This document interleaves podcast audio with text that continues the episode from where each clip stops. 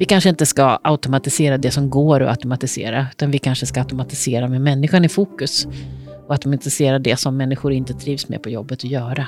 Vi kanske ska behålla det som är motiverande. Ta med Mm. den komponenten i kravställandet. Och det är svårt, det vet jag. Hur påverkas arbetsmiljön av den nya AI-tekniken? Det forskar Åsa Kajander om. För att lyckas med digitalisering på arbetet krävs kunskap inte bara om tekniken, utan också om människor. Du lyssnar på Forskarpodden vid Uppsala universitet och det här avsnittet produceras av mig, Annika Hult. Jag heter Åsa Kajander. Jag jobbar här på Uppsala universitet. Jag är professor på institutionen för informationsteknologi. Och sen är jag rektorsråd för lika villkor. Ja, idag ska vi ju prata om AI och eh, hur den nya tekniken kommer att förändra arbetslivet. Och inför eh, att vi skulle spela in den här podden så använde jag själv ChatGPT för att eh, få fram några bra frågor att ställa till dig. Och ChatGPT är ju då ett, ett AI-verktyg som har tränats på massor av texter på internet och som eh, kan bearbeta och även skriva text. Och det där var lite spännande för att en hel del frågor var väldigt bra, men samtidigt var det ju många som var helt fel. Så att det kändes som det krävdes ganska mycket dialog fram och tillbaka med det här verktyget. Och det är ju ett verktyg som är gjort för konversation. Det är ju inte ett verktyg som du ska ställa en fråga och få ett svar. Nej, Utan precis. det är tänkt att du ska prata med det som en kollega och komma fram till någonting. Ja, och jag vet att du använder en hel del Ja. ja. sådana här verktyg i ditt jobb. Kan du berätta hur? Jag är en av de där som är sån som gillar ny teknik. Jag jobbar ju på IT-institutionen, så det är klart att jag testar det senaste. Eh, och också när det handlar om arbete och arbetsmiljö, för det är det jag forskar på. Så jag har testat ChatGPT och jag testar alla de verktyg som finns då, som är, man gör bilder och man kan göra musik och man kan göra powerpoint-presentationer. Man kan ställa sin forskningsfråga eh, till ett Elicit till exempel och så får man en sammanställning av den forskning som finns med referenser. Eh, jag tycker att det är otroligt fascinerande och roligt. Kreativt. Eh, verkligen. Ett arbe- arbete.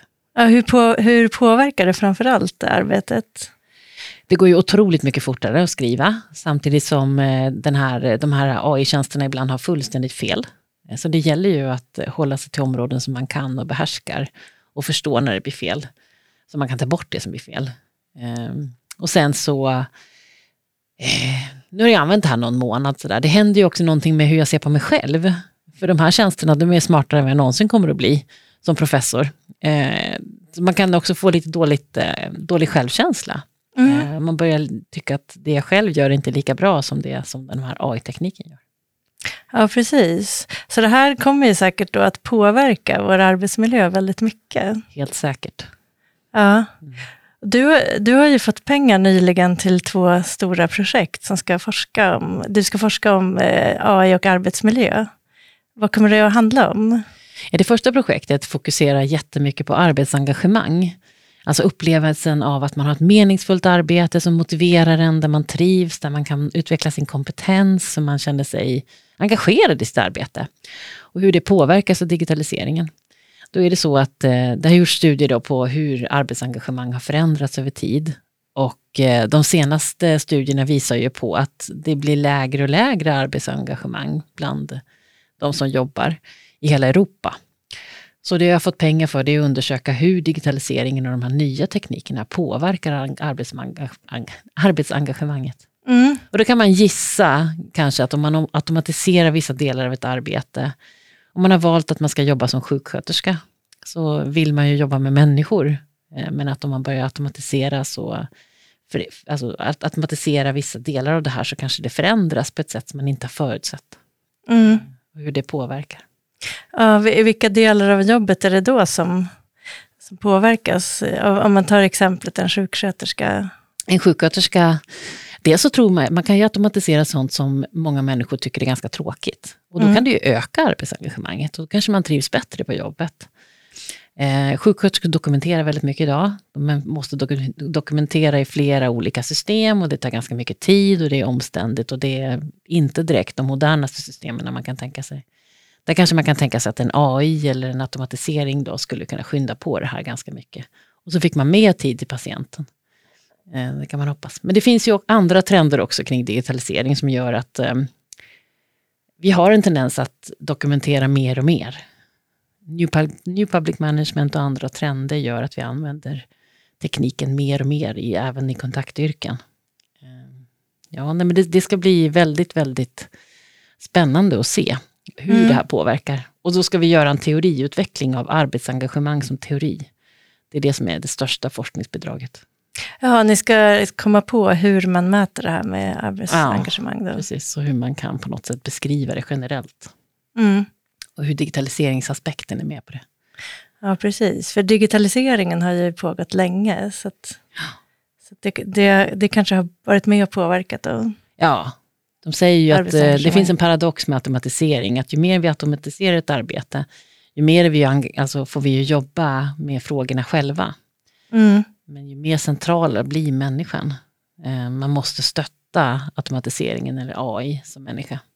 Så ju mer vi automatiserar eller använder AI, ju mer central kommer det mänskliga bidraget att bli. Just det. Så det är inte så att de tar över jobben, utan det skapas nya jobb på ett sätt? Ja, det där det kan man ju diskutera. De kommer nog ta över vissa delar av vissa jobb. Och kanske vissa yrkeskategorier helt kommer att försvinna. Det kan man nog tänka sig. Men det är ingenting som jag har forskat på. Nej. Va, vad är det mer ni ska göra då? Va, vad ska ni göra i det här andra projektet? I det andra projektet ska vi titta på hur de nya teknikerna då, AI, robotisering och automatisering har eh, införts på Sveriges flygplatser. Och då för markpersonal på flygplatserna. Det första vi ska göra är att kartlägga vilka tekniker som finns och hur man har tänkt när man har infört dem eh, och hur de har påverkat arbetsmiljön hittills. Och sen så ska vi titta på vilka planer det finns framåt eh, och hur man har tänkt sig och så ge rekommendationer för hur man ska kunna jobba framåt. Mm. Vad kan det vara för någon typ av teknik då? Som eh, bagageband och annan typ av verksamhet på små flygplatser eh, jobbar man ju för att det ska centraliseras. Så att man tar hand om många flygplatser från ett enda ställe. Mm. Istället för att man ska ha personal på plats.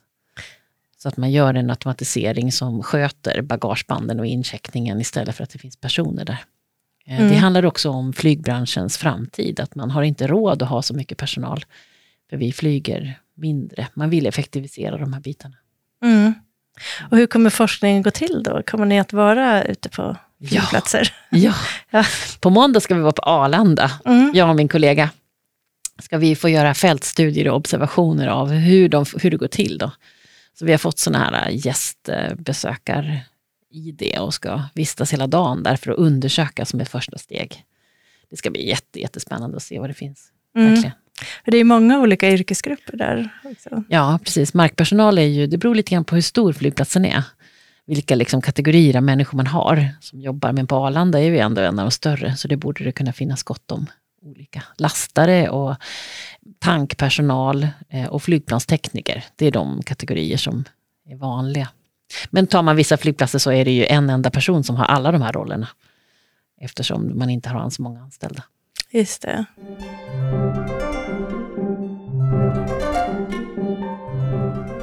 Du har ju forskat eh, länge om det här med digitalisering och arbetsmiljö. Mm. I, I 20 år va? Ja, precis. Så att eh, du kan en hel del om, om hur digitaliseringen påverkar arbetsmiljön. Mm. Finns det mycket som man kan eh, tillämpa på, på AI också? Utav det här?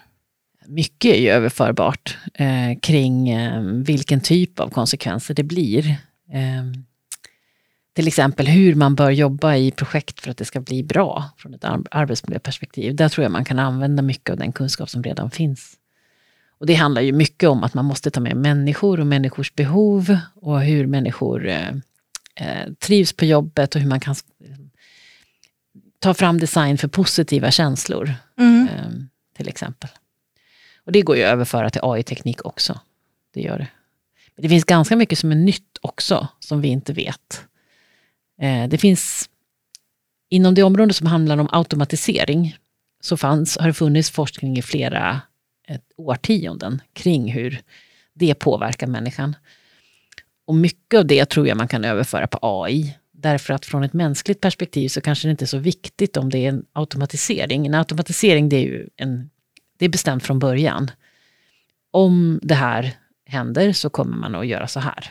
Det är en automatisering. En AI, det är ju på något sätt en generativ AI, den skapar ju egna lösningar. Mm. Men från ett mänskligt perspektiv så vet jag inte om det arbetsmiljömässigt är så jättestor skillnad om det är en AI eller en automatisering. Så den forskningen som handlar om automatisering borde ju kunna gå att använda. Mm. Och vad visar den då? Alltså den forskning, forskningen visar, den är väldigt teknikdriven, den Mm. forskningen. Och mycket av det som är gjort kring arbetsmiljöforskning och teknik handlar ju om, eh, den handlar om hur tekniken utvecklas och inte hur man gör det med arbetsmiljöfokus. Det visar väl den kunskapssammanställningen som vi har. Mm. Så det behövs mera forskning kring arbetsmiljön, hur Ja. den påverkas? Ja, det behövs det. Mm. det, behövs det. Finns det något mer som man har kommit fram till, eh, eller som du har sett i din forskning om digitalisering? Som man kan bygga vidare på? Digitaliseringen har ju förändrat samhället i grunden. Det går ju nästan inte att tänka sig hur Uppsala universitet var innan vi hade IT, innan vi hade datorer. När vi hade block och penna och vi kom till klassrummet och vi inte hade någon kontakt med varandra och det var inga sms och det var inga schema på nätet. Det var papper. Det var ju länge sedan, så hur det har förändrat arbetsmiljön det är på så otroligt många sätt. Mm. Och sen har ju digitaliseringen, tempot ökade under pandemin. Det är tydligt. Vi var ju så tvungna att jobba hemifrån och ta, liksom använda oss av tekniken. Eh, Och det, jag tror att många, det var ett samtalsämne som många hade under pandemin, hur det är att jobba hemifrån jämfört med att vara på jobbet. Mm. Hur det är att träffa sina arbetskamrater på Zoom istället för att träffa dem i verkliga livet. Ja, precis. Det var ju en väldigt stor förändring för många. Verkligen. Eh, vilka är de vanligaste hälsoproblemen som kan uppstå eh, på grund av eh, digitalisering eh, i en organisation? Framförallt så blir vi mer stillasittande. Det finns ganska mycket fysiska aspekter på förändringen. Vi sitter vid våra datorer. Eh, det är ett ganska stressigt arbete. Tempot har ökat. Vi förväntas göra mycket mer idag än vad vi gjorde förut. Och vi får problem med muskelvärk i rygg och nacke, eh, armar, eh, den typen av problem. Och det finns ganska mycket forskning på fysisk arbetsmiljö och hur den har påverkats av digitaliseringen. Men sen finns det ju andra aspekter. Alltså vi, kognitiv arbetsmiljö, det är ju hur vi använder hjärnan eller minnet eh, i arbetet. Och idag så är kraven mycket, mycket högre på kognitiv förmåga eh, med dagens eh, system. Sen så handlar det ju också om eh, eh, multitasking är en aspekt, att vi jobbar med många saker samtidigt. Vi tror att vi kan det, Mm. de flesta kan det inte. Digitaliseringen har också gjort att vi, alltså gränsen mellan vad som är arbete och vad som är fritid har blivit suddig. Vi plockar upp telefonen och kollar mejlen i soffan hemma på kvällen. Så då minskar ju tiden vi har återhämtning. Mm. Det finns eh, otroligt många aspekter av arbetsmiljön som har påverkats av digitalisering. Mm. Så och vad kan då arbetsgivare göra för att se till att, att IT-system inte bara blir för nytta, till nytta för företaget utan också för, för de som jobbar, för arbetsmiljön? Vi måste ju se till att vi förstår vilka krav våra anställda har på systemet. Och kraven kanske inte ska bara innehålla funktionella krav utan även eh, användbarhetskrav och krav på eh, att man ska ta med människans och människans behov i kravställningen av det här nya systemet. Vi kanske inte ska automatisera det som går att automatisera, utan vi kanske ska automatisera med människan i fokus och automatisera det som människor inte trivs med på jobbet att göra.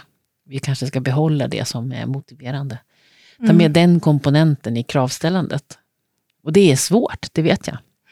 Det finns ganska mycket forskning som säger att det är jättesvårt att göra det. Mm. Därför att de flesta av de här kraven ska vara mätbara. Och det är svårt att göra mätbara krav av den här typen av kravställning. Just det. Och sen att jobba iterativt och ta med de som ska använda systemet i beslutsprocessen kring hur det ska gå till. Då. Många av de system som vi har i stora organisationer, de är standardsystem. Och där kanske man inte kan påverka så mycket. Eh, där måste man ju hitta liksom sätt att vikta då, för man köper ett standardsystem som är gjort på ett visst sätt. Och om det inte passar vår organisation, då, då har vi ju ett problem. Det är inte så lätt att ändra systemet, det kostar jättemycket pengar också. Så då Mm. behöver vi anpassa hur vi jobbar till det här systemet. Eh, Och hur man gör det, det är arbetet. organisatoriskt införande kallas det väl som begrepp inom forskningen. Mm. Som innebär att man inkluderar fler än bara IT-avdelningen? Ja, ja, ja, absolut alltså. Mm. IT-avdelningen har ju inte den kompetens som krävs för att skapa system som passar människor, utan det är kanske snarare HR-avdelningen som ska vara med Ja. på den frågan. Eller att IT-avdelningen anställer människor med den kompetensen, så att de Mm. har det hos sig. Det är de två alternativen. Mm. Så det gäller att få, få ihop då, de, de som kan det tekniken och de som kan Ja, människorna. ja, och det är inte så lätt. Därför de som kan tekniken, de tycker att de är intresserade av tekniken för teknikens skull och de är ju väldigt duktiga. Och teknik är svårt. Det är inte Mm. så himla lätt att kunna den delen. Eh, och de tycker att det här med mäns mänskliga aspekten är inte riktigt det som intresserar dem. Och de som jobbar med mänskliga aspekten, alltså HR-avdelningen eller eh, den typen av människor, de är ofta intresserade av människor, för människors skull. De vill inte lära sig så jättemycket om tekniken. Mm. Och idag så um, är det väl fler och fler organisationer som jobbar närmare eh, mellan HR och IT eh, på det sättet. Men det är fortfarande, jag skulle inte säga att det är vanligt. Nej.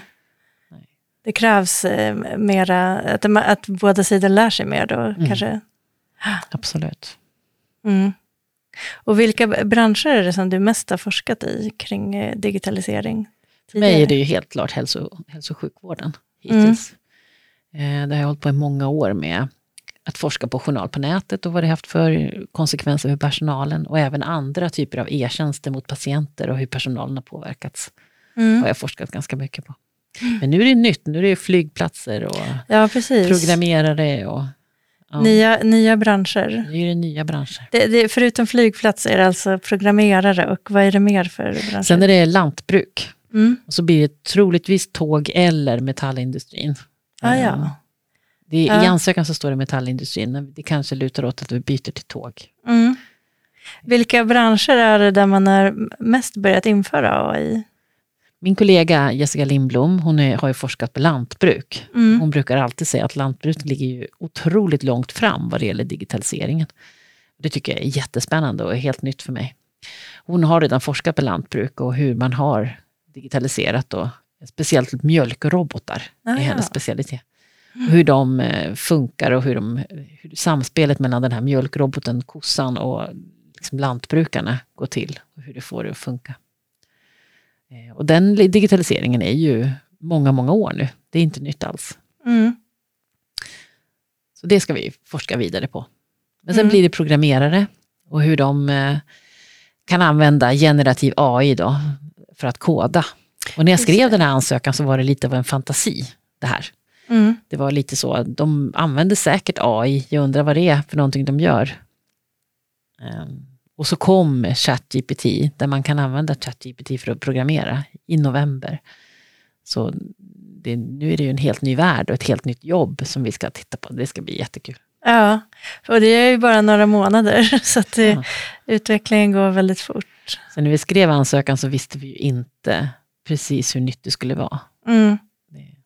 Och programmerare kan man ju då tänka sig att de är snabba på att ta till sig den nya tekniken. Ja, det tror jag också att de är.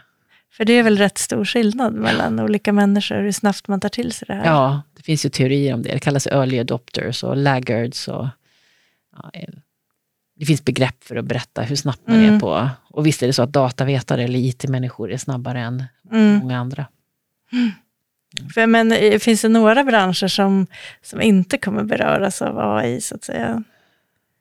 Jag vet att det finns forskning som handlar om känslor och att vi inte alls trivs bra om AI börjar visa känslomässigt stöd. Till exempel att man börjar trösta eller ja, försöka stötta i krissituationer. Det uppskattar vi inte alls. Det tycker vi känns nästan otäckt. Det blir motsatt effekt. Så den typen av arbetsuppgifter, det, det tror jag nog man kan säga att det är, AI inte lämpar sig för det. Mm. Så det finns nog vissa saker. Eh, Eller det finns vissa saker, men det måste, vi måste ha mer Mm. forskning om det. Ja, precis. För jag tänkte i sjukvården, Ja. där kommer AI in, men inte som en vårdande AI, utan då är det mer det här att fatta beslut, vad man ska göra. Med, Ja, beslutsstöd till de som jobbar i vården kan det ju vara. Mm. Så det är den biten som AI kommer in Ja. ersätter, inte det här patientkontakten. Fast alltså 1177 kommer införa ett chattsystem mot patienter Mm. som är AI-baserat. Så Mm. den, de frågorna man får, man, kommer att kunna, man, man hör av sig till 1177 när man har en sjukdom i Sverige. Och då så ska ju det här systemet hjälpa en och, eh, med antingen egenvård eller att den visar eller berättar var man ska söka sig vidare någonstans. Mm. Och det systemet, det har jag forskat på också, eh, här när de gjorde pilotprojekt här i Uppsala. Det systemet är ju delvis AI. Mycket är det automatisering också. Mm. Eh, Så det är ju patientkontakt. Just det. Det är det. Så det kommer in lite här och var helt Ja, enkelt. det kommer in lite här och var. Men då kanske också, i många sammanhang så är det ju en komponent i någonting som är mycket större. Eh, Mm. Inte att man ersätter allting. Nej, precis. Det behövs fortfarande en människa där som, Ja, som håller koll på Ja, vad AI gör också, kan jag tänka mig. ja. och som kanske fattar, svensk lagstiftning är ju inte heller där att vi kan låta män, eller AI fatta beslut. Utan det är människan som fattar beslut. Eh, I socialtjänsten till exempel, där man använt AI som underlag för beslut. Då, då är det ju ändå den som är handläggare som är juridiskt ansvarig för sitt beslut. Mm. Även om AI har tagit fram ett underlag till, till det här beslutet. Så då blir AI lite som en kollega, så. Ja, de har Som man har flera... ansvar för, lite extra ansvar för. Mm.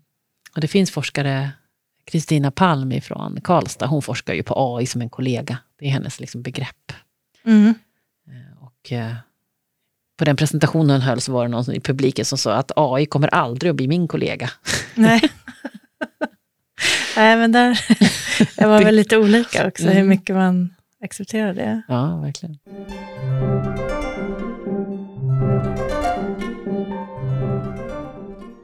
Du är ju som sagt rektorsråd för lika villkor här vid Uppsala universitet. Precis. Så det är ju också ett sånt eh, expertområde för dig. Och, det finns ju en sån aspekt också av AI. Finns det, finns det risk för att AI-teknik kan leda till eh, diskriminering på arbetsplatsen? Ja. Det, man vet ju att det, den risken finns och det finns forskning som verkligen pekar på de brister som AI har. Och att, eh, alltså AI bygger ju på stora mängder data. Och om det här datat då innehåller diskriminering eh, så kommer ju AI att generera på samma sätt. Det kommer ju följa datats liksom, sätt att tänka. Mm. Så då blir det ju diskriminering i de rekommendationer som AI har. Till exempel om man tar rekrytering i IT-branschen. Eh, IT-branschen har ju ett stort problem med åldersdiskriminering. AI kommer snabbt lära sig att man får inte jobb om man är äldre än 40. Mm. Eh, AI kommer också lära sig att i IT-branschen så är det mest av allt killar som får jobben. Och tjejerna jobbar inte med programmeringsuppgifter utan jobbar som projektledare. Den kommer ju lära sig de här mönstren som vi skapar. Så kommer den reproducera dem. Och det finns ju en risk att det blir helt osynligt. Att man som människa då inte vet varför AI har rekommenderat vissa personer och andra inte. Så det finns ju risk att diskriminering blir ännu mer osynlig och svår att hantera. Just det. Vad kan man göra åt det här då? Går det att komma åt på teknisk väg? Eller? Ja, alltså man behöver se till att man lär upp AI på ett blandat data. Som, Mm. som, och man måste vara medveten om vad man matar in för data. Mm. Samtidigt, man, om man håller på med det här datat så är det ju sjukt mycket data som krävs för att det ska bli liksom, möjligt att generera den här AIn. Så att um, rensa den datan och försöka jobba med diskrimineringsgrunderna är ju någonting man behöver göra. Men här behövs det ju mer forskning också. Mm. Det, vi vet inte riktigt hur mycket AI diskriminerar idag eh, på arbetsplatserna. Det är svårt att mäta också. Hur Mm. ska man... Just för att man inte ser, man ser inte vad som har valts bort. Nej, man har inte insyn i Nej. riktigt hur AI jobbar. Ja. Och det kallas ju blackbox AI, eller man ska försöka få AI som är explanatory, att man som visar vad som händer och visar vad besluten fattas liksom, på för grunder.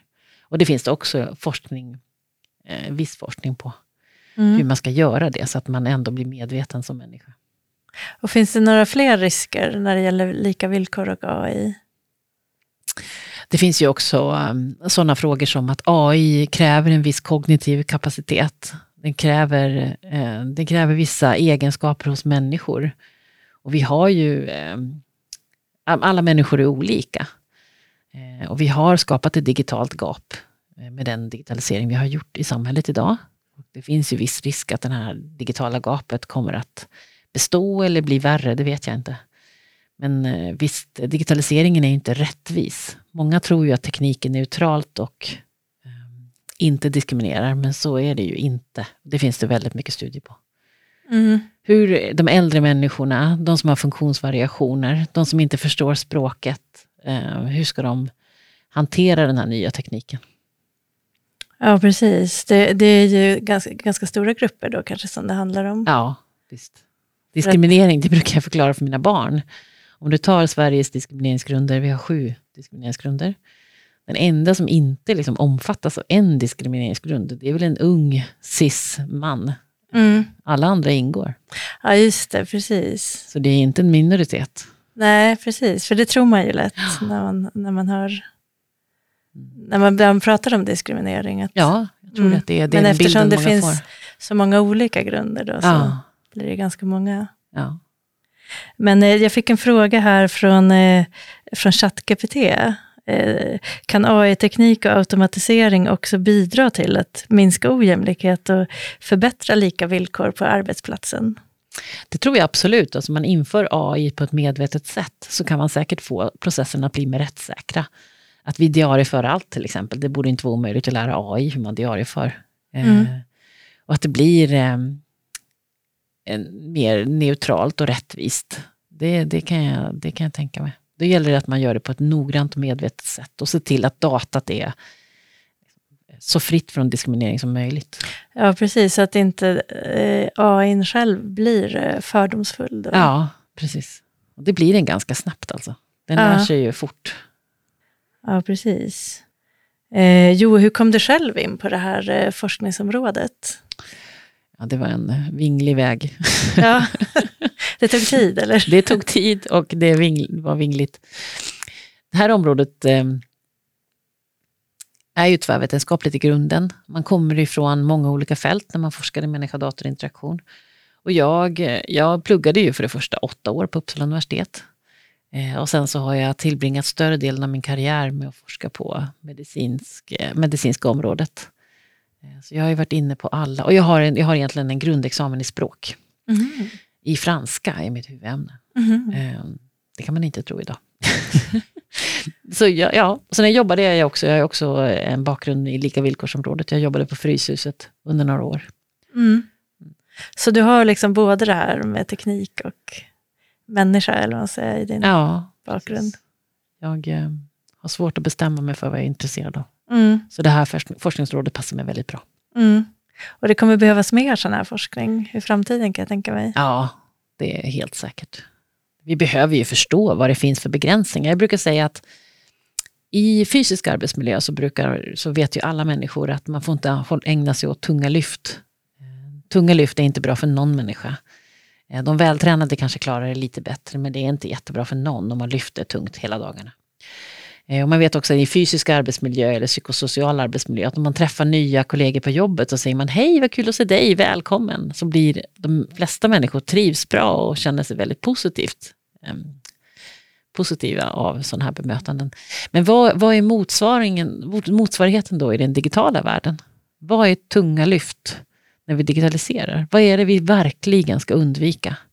Och vad är det för någonting vi ska försöka stärka och se till att det finns mer av när vi digitaliserar? Det, de frågorna behöver vi hitta svar på. Mm. Och det, det, de svaren har vi inte riktigt än. Det diskuteras ju inte så mycket på arbetet idag, tycker jag. Det, det blir, man hamnar lätt i hur skrivbordet är inställt och stolen och så. Ja. Men, men det där är svårare att Mm. sätta ord på. Ja, det är det. Men vad, hur ser du på, på din forskning framöver? Kommer det att handla mycket om AI, tror du? Alltså AI är ju en del av en större digitalisering, så AI kommer nog vara med. Men jag tycker ju om att titta på hela förändringen och då är det inte bara AI, Mm. utan eh, andra tekniker också. Så ja, men nej. Ja, precis. ja, men lycka till med din fortsatta forskning. Då. Ja, tack så mycket. Du har lyssnat på Forskarpodden med forskaren Åsa Kajander. Följ oss på Podbean, iTunes, Spotify eller andra poddläsare. Kontakta oss gärna i sociala medier på hashtag forskarpodden eller på universitetets webbsida uu.se forskarpodden. Jag heter Annika Hult och Forskarpodden produceras av Uppsala universitet med musik av Marcus Sjöblom.